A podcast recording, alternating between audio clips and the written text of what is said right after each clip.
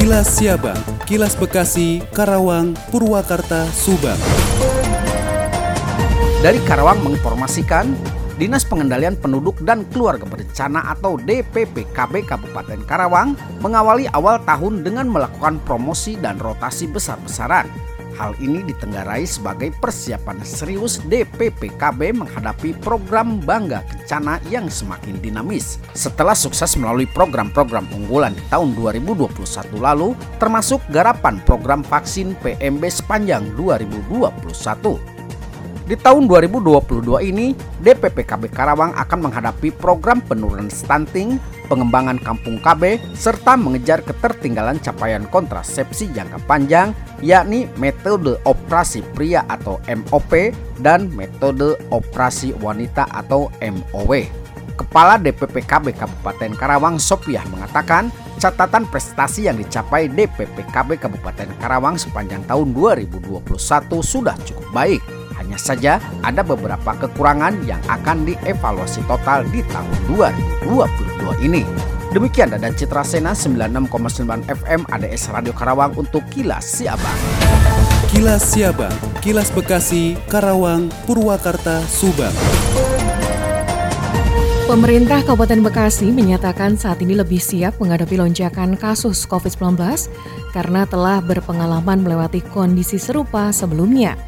Juru bicara Satgas Penanganan COVID-19 Kabupaten Bekasi Alam Syah mengatakan, jajaran Dinas Kesehatan dan tenaga kesehatan di daerahnya telah lebih dulu melewati terpaan gelombang kedua kala kasus COVID-19 varian Delta mengalami peningkatan pada pertengahan 2021 lalu. Lebih lanjut pihaknya mengakui bahwa saat ini sedang terjadi lonjakan kasus COVID-19 yang signifikan di Kabupaten Bekasi yang dimulai sejak pertengahan Januari 2022. Untuk diketahui saat ini tercatat hanya puluhan kasus terkonfirmasi positif yang ditemukan, namun berdasarkan data pada Minggu 30 Januari 2022, jumlah kasus aktif meningkat hingga 1.700 kasus lebih. Demikian saya Fida, Radio Gaya 93,6 FM melaporkan untuk Kilas Siabang. Kilas Siabang, Kilas Bekasi, Karawang, Purwakarta, Subang. Dari Subang di Bewaraken, Polres Subang berhasil mengungkapkan kasus pembuatan tahu berformalin di wilayah Subang. Pengungkapan itu adalah hasil penyelidikan Satreskrim Polres Subang pada 24 Januari 2022 yang lalu di rumah seorang pengusaha yang berasal dari Kelurahan Sukamelang. Kapolres Subang AKBP Sumarni dalam press conference Rabu kemarin mengatakan dari hasil penyelidikan itu ditemukan pelaku usaha berinisial PTN 30 tahun yang membuat tahu diduga menggunakan formalin. Ia mengatakan PTN telah memproduksi tahu formalin sejak tahun 2019 lalu dengan hasil produksi 9-10 kintal per hari dipasarkan ke Majalengka, Cirebon, serta Purwakarta. Kapolres juga menjelaskan dalam sebulan pelaku ini memperoleh keuntungan sekitar 30 juta rupiah. Lebih lanjut Kapolres juga menjelaskan yaitu formalin direbus lalu hasil rebusannya dicampur ke adonan tahu. Pelaku memakai formalin dengan alasan agar tahu lebih awet, tidak mudah basi, sehingga dapat menghemat ongkos produksi.